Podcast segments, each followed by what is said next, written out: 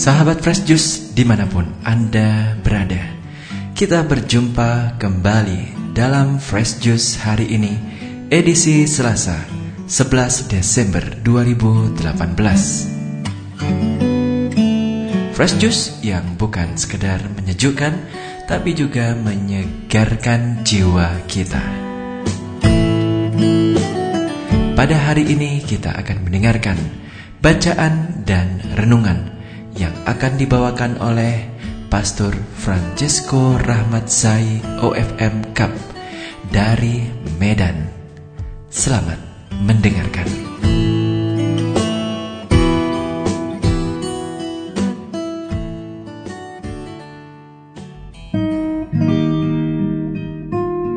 Sahabat Fresh Juice yang terkasih, Selamat jumpa bersama saya, Pastor Francesco Rahmat Zai OFM Cup dari Biara Kapusin Emmaus, Helvetia, Medan. Bahan renungan kita pada hari ini diambil dari Injil Tuhan kita Yesus Kristus menurut Matius bab 18 ayat 12 sampai dengan ayat 14. Yesus berkata kepada murid-muridnya, Bagaimana pendapatmu? Jika seorang mempunyai seratus ekor domba dan seekor di antaranya sesat, tidakkah ia akan meninggalkan yang 99 ekor di pegunungan dan pergi mencari yang sesat itu? Dan aku berkata kepadamu, sesungguhnya jika ia berhasil menemukannya, lebih besarlah kegembiraannya atas yang seekor itu daripada atas yang 99 ekor yang tidak sesat. Demikian pula Bapamu yang di sorga tidak menghendaki seorang pun dari anak-anak ini hilang. Demikianlah Injil Tuhan. Terpujilah Kristus.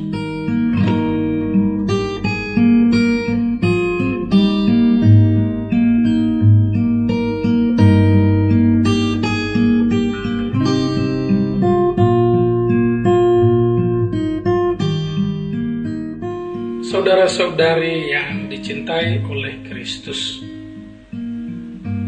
Injil pada hari ini mengungkapkan betapa besar cinta kasih Allah bagi manusia. Karena cintanya itu, dia menghendaki agar semua manusia selamat.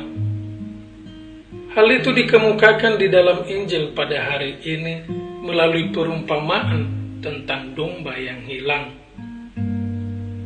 Sebagaimana pemilik domba berusaha mencari seekor domba yang hilang, demikian juga Tuhan berusaha menyelamatkan manusia yang tersesat, yang menjauh dari relasi cinta dengan Allah.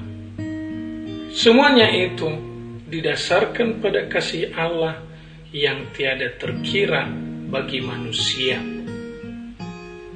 Dari sini kita disadarkan bahwa kasih yang sejati selalu menyelamatkan. Cinta dan kasih sayang menjadi pendorong untuk melakukan dan memberikan yang terbaik kepada orang yang dicintai dan disayangi. Kasih yang sejati selalu membuka pintu maaf bagi kesalahan yang pernah terjadi.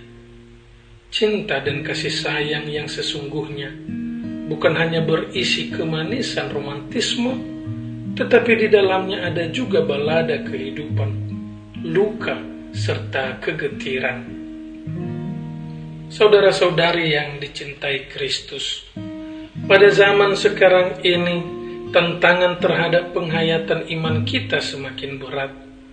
Tindak kekerasan dan penganiayaan semakin sering menjadi menu pemberitaan Upaya adu domba melalui berita hoax semakin marak.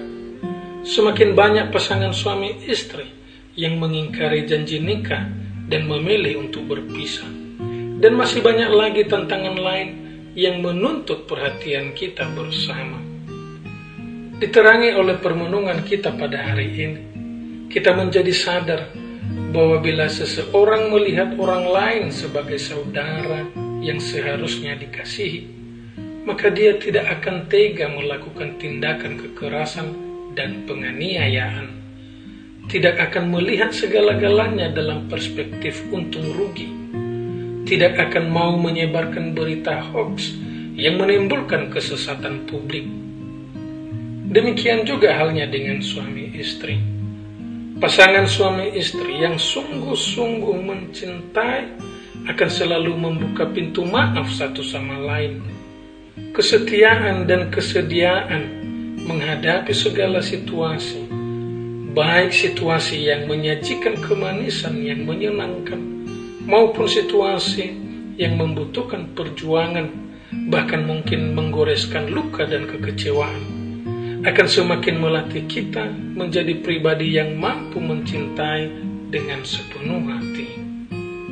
Dengan itu, segala sesuatu yang kita lakukan tidak lagi ditentukan oleh perbuatan orang lain kepada kita, tetapi ditentukan oleh kita yang mengasihi dan mencintai dengan sepenuh hati. Kita tetap bisa memilih untuk melakukan dan memberikan yang terbaik bagi orang-orang yang ada di sekitar kita, karena kita telah merasakan dan mengalami betapa besarnya cinta dan kasih Allah bagi kita.